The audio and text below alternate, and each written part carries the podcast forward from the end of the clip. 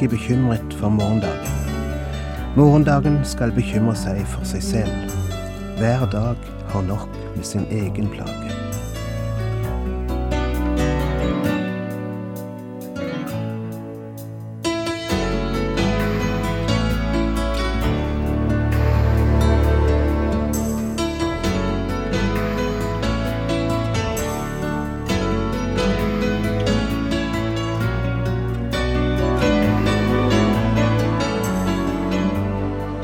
Hjertelig velkommen til et nytt program i serien Vindu mot livet.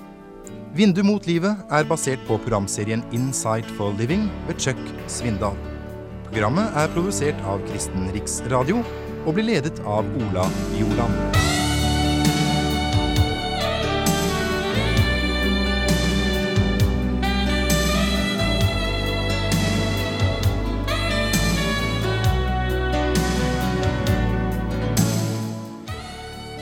Sist gang, og også denne gangen, er temaet bekymring. Vi er midt inne i avsnittet i Bergpreika der Jesus taler om dette. Og sist gang var vi inne på de argumentene Jesus bruker mot bekymring. Han sier en del om hvorfor vi ikke skal bekymre oss. Den første begrunnelsen han gir, er at bekymring er farlig, fordi den så lett får makt over oss og i vårt liv og over vårt sinn. Og når bekymring får makt, så taper du perspektivet over livet. Ingen kan tjene to herrer, sier Jesus. Når bekymring får makt i ditt liv, så trekkes din oppmerksomhet bort ifra andre sider ved livet, som du helst skulle bruke krefter på. Og verst av alt, du glemmer å høre hva Gud sier. Du klarer ikke å ha oppmerksomheten retta mot to ting på en gang. Får bekymringen din oppmerksomhet, så mister Gud din oppmerksomhet. Den andre begrunnelsen Jesus gir, er at bekymring tar ifra deg gleden over andre ting i livet. Er ikke livet mer enn maten, sier Jesus. Og nå skal vi se på den tredje begrunnelsen som Jesus gir her i teksten. Bekymring er nytteløst. Vers 2020. Hvem av dere kan vel med all sin bekymring legge en eneste alen til sin livslengde?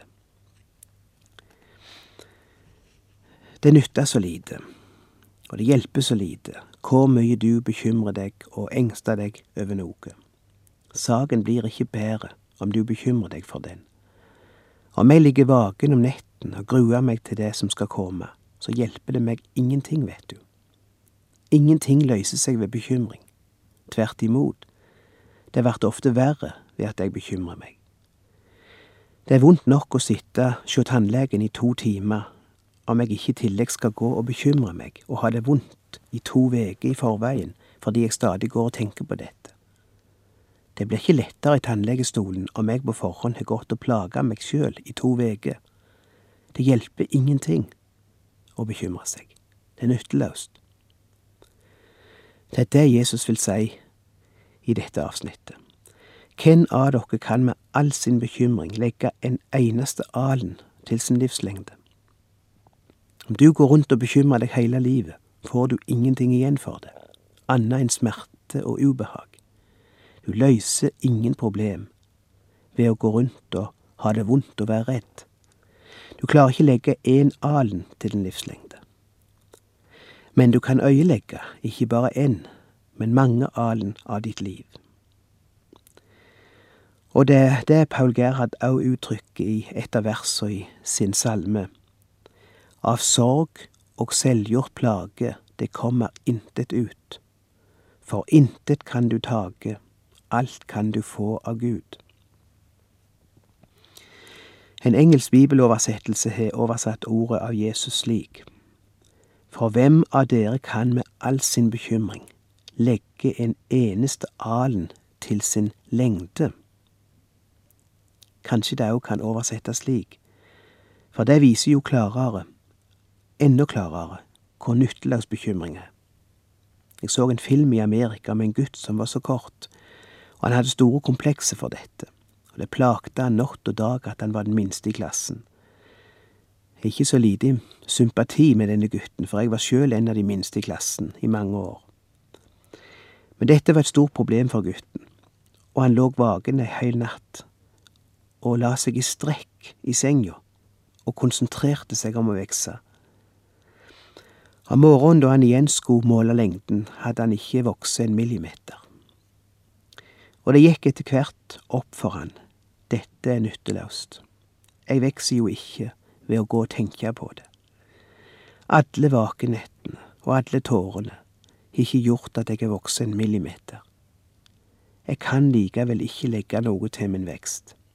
Så hvorfor skal jeg gå rundt og være opptatt av noe jeg likevel ikke kan gjøre noe med? Jeg vil heller bruke tida og kreftene på andre ting.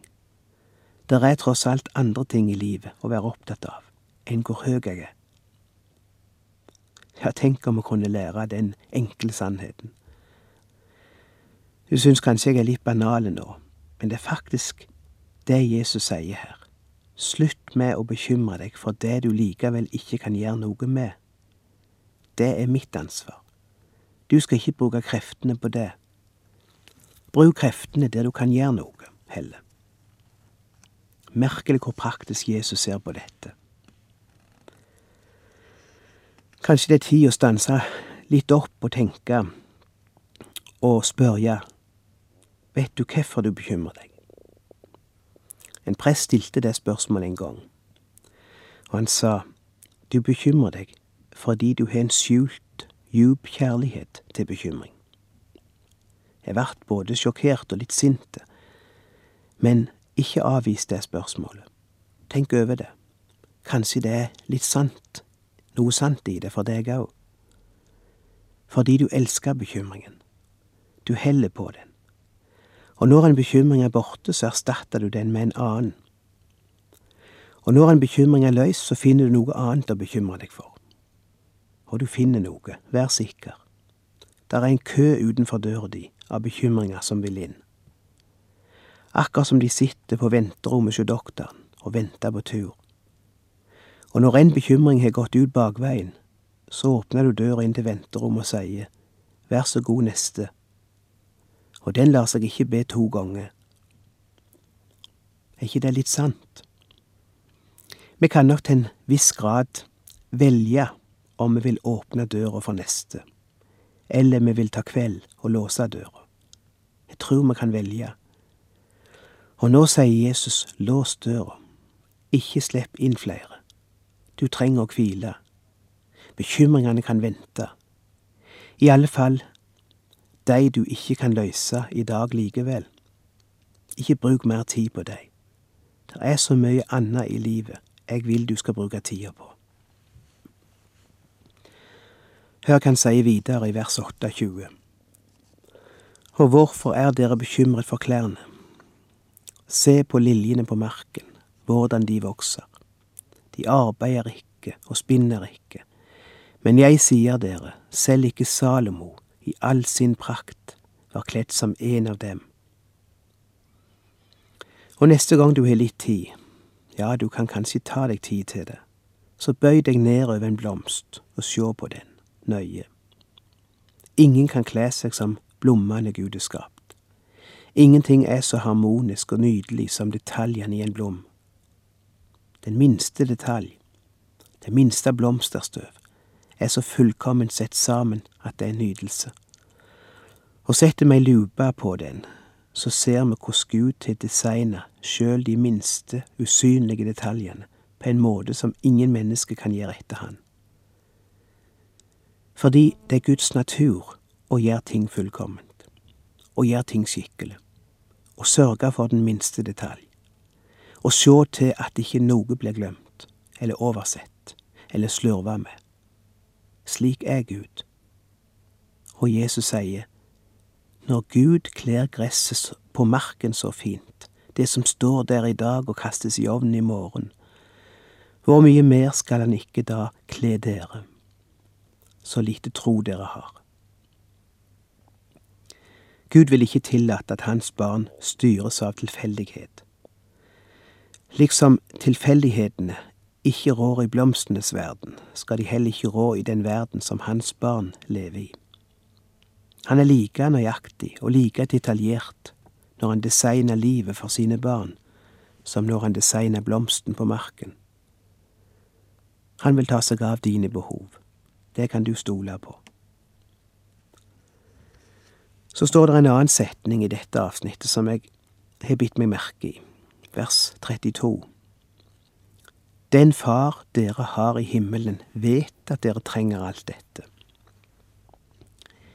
Ja, det kan være vanskelig å tro av og til. Forstår Gud mitt behov? Forstår Han hvor om å gjøre det er for meg å få løst dette problemet, nettopp slik? Forstår Gud mine følelser og mitt behov i denne saken? Ser Han mitt problem? Bryr Han seg om min nød? Jeg husker godt en periode av livet mitt der disse spørsmålene var påtrengende for meg på en helt spesiell måte. Det var nettopp en bekymring, en situasjon jeg var kommet opp i, som så uløselig ut. Det var så forferdelig for meg, kan jeg huske, at jeg trodde aldri jeg skulle, skulle bli glad mer, få livsmot og livsgleden igjen. Jeg grein hver dag i nesten tre måneder, og jeg ba til Gud hver eneste dag, og var så fortvila og nedtrykt at jeg nesten kan kjenne det ennå, hvor det knuga meg ned. Og jeg spurte, forstår du meg, Gud? Forstår du meg virkelig, hvordan jeg har det? Hvordan kan du la meg li så lenge? Hvorfor gir du meg ikke det jeg trenger? Så måtte jeg klynge meg til disse ordene på nytt og på nytt. Den Far dere har i himmelen, vet at dere trenger alt dette. Jeg fikk det ikke akkurat slik som jeg ba om, akkurat slik jeg tenkte det skulle skje, men jeg fikk hjelp. Jeg fikk det jeg virkelig trengte, og jeg fikk så mye mer enn jeg var i stand til å be om. Du ser, Jesus forstår deg, Gud forstår deg, han vet hva du trenger. Gud skal sørge for deg i alle ting, òg når det gjelder det du er oppe i nå. Jeg sier at han skal knipse med fingrene og si hokus pokus, og så er plutselig alt løst. Nei, men han vil inn i ditt problem. Han vil bære det. Han vil løfte det av skuldrene dine. Ta bekymring på seg. Ta ansvaret på seg. Det kan du være helt trygge for at Gud skal gjøre. Og han skal gi deg mye mer enn du er i stand til å be om. Bare du nå ikke tar saken i egne hender men la Han få ta seg av det. Du skal slippe din bekymring, slippe den over på, på Gud, for Han er påtatt seg å sørge for deg. Sett din vei i Herrens hånd, og stol på ham. Han skal gjøre det. Så sier Jesus videre i vers 33. Søk først Guds rike og Hans rettferdighet så skal dere få alt det andre i tillegg. Det er et av de mest kjente vers i hele Bibelen, men et av de vanskeligste å praktisere, kanskje. Når bekymring banker på døra og sier Kan jeg få komme inn? så sier Jesus Søk først Guds rike. Så kan du la bekymringen vente. Bli, bli opptatt av Han du ser, det er hele forskjellen her. Når du begynner dagen med å se på problemet, med å la bekymring få førsteplassen i sinnet ditt, da mister Gud oppmerksomheten. Og da er du inne i den vonde sirkelen. Hvis du begynner dagen med å, for å tale bildelig, åpne ytterdøra og helse på bekymringen, prate litt med den der ute på trappa, vise den gjestfrihet og kanskje gi deg en glass vann da smetter den snart inn døra og tar over hele huset ditt den dagen. Du må slutte med det, sier Jesus. Søk først Guds rike, sier Jesus. Bekymring kan vente der ute noen minutt. Ta først til deg det Guds ord sier. Slipp Han inn i tankene og sinnet ditt og det opprørte livet ditt.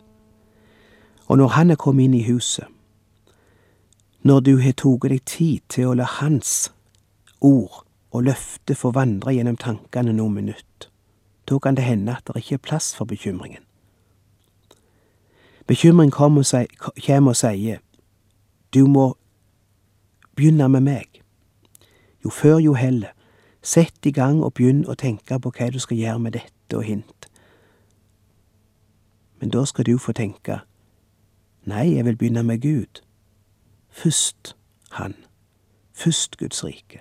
Akkurat nå. Jeg vil legge dagen i Hans hender, for Han har sagt at jeg skal gjøre det. Og som dagen kunne vært annerledes hvis vi gjorde dette først. Jeg hører så ofte folk si vi får ta en dag om gangen. Det er så vanlig å si det at en nesten ikke tenker over hvilken livsvisdom som ligger i de ordene. For det er faktisk akkurat det Jesus sier her. Det får ta en dag om gangen, sier han i vers 34. Vær ikke bekymret for morgendagen. Morgendagen skal bekymre seg for seg selv.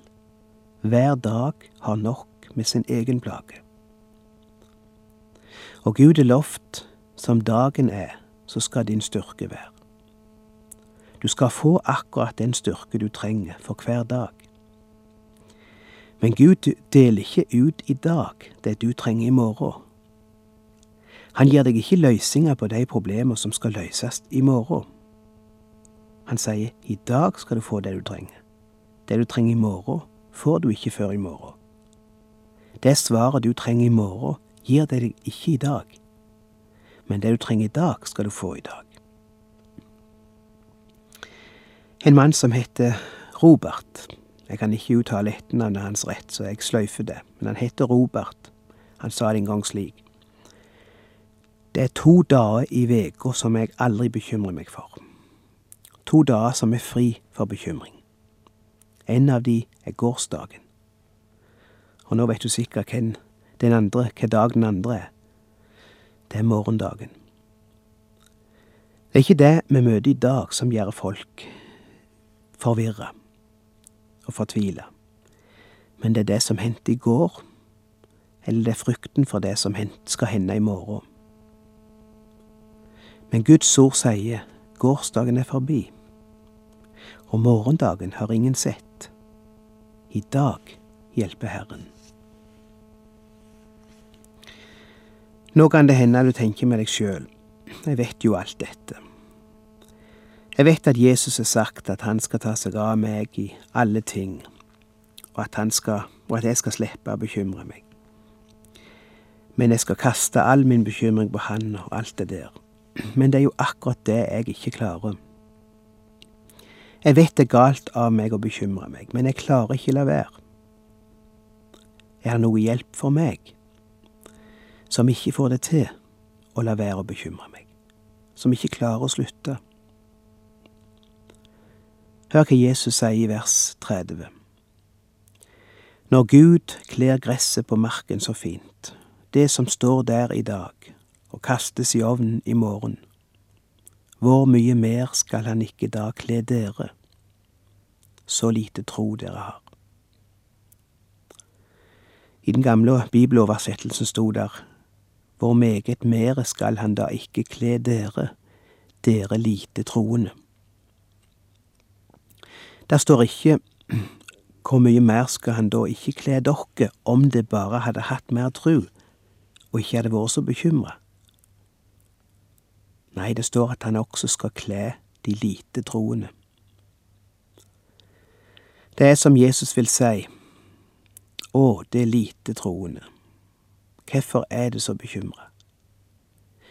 Det er farlig, det er nytteløst, og det er unødvendig. For jeg har jo sagt at jeg vil sørge for dere. Og likevel tviler det. Hvorfor er det redde, det lite troende? Det behøver ikke være redde. Men om du nå er bekymra likevel, om du ikke heilt klarer å bli kvitt bekymringen, så skal du vite at jeg vil sørge for deg likevel. Jeg vil hjelpe òg de lite troende.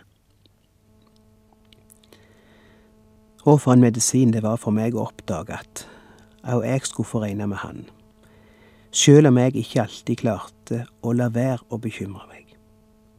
Når jeg oppdager at han òg hjelper deg med lite tru. Det er sikkert de fleste av dere hørt fortellingen om den gamle, kjente legpredikanten Ola Nesse. Han var en dag ute på fjorden i en robåt sammen med sin far og sin søster. Da kom det plutselig et forferdelig uvær. Det bles og regna, og båten fyltes, begynte å fylles med vann. Faren, som kjente båten, og som visste at den ville bære, rodde rolig og beherska mot land. Ola satte i gang med å ause båten i full panikk. Søstera satt stiv av skrekk, satt bare skreik og ropte på hjelp, klarte ikke gjøre noen ting. Og så fortelles det så fint. Båten bar og kom til lands. Faren som rodde, og som aldri tvilte på at det ville gå godt, kom berga over. Ola som auste, kom berga inn. Og søstera som bare satt og skreik, blei au berga. For båten bar. Slik er Gud. Han hjelper òg de lite truende, så sant han får lov. Og Ronald Fangen har skrevet et nydelig dikt som bygger på hans opplevelser i konsentrasjonsleir under krigen, der han ber. Du sviktet aldri, Herre Krist. Du sviktet ei, selv når ditt svar på all min bønn var nei og atter nei. Og når jeg skalv i uro, angst og gråt og nød, da kom du med din fred, kjøpt i din død.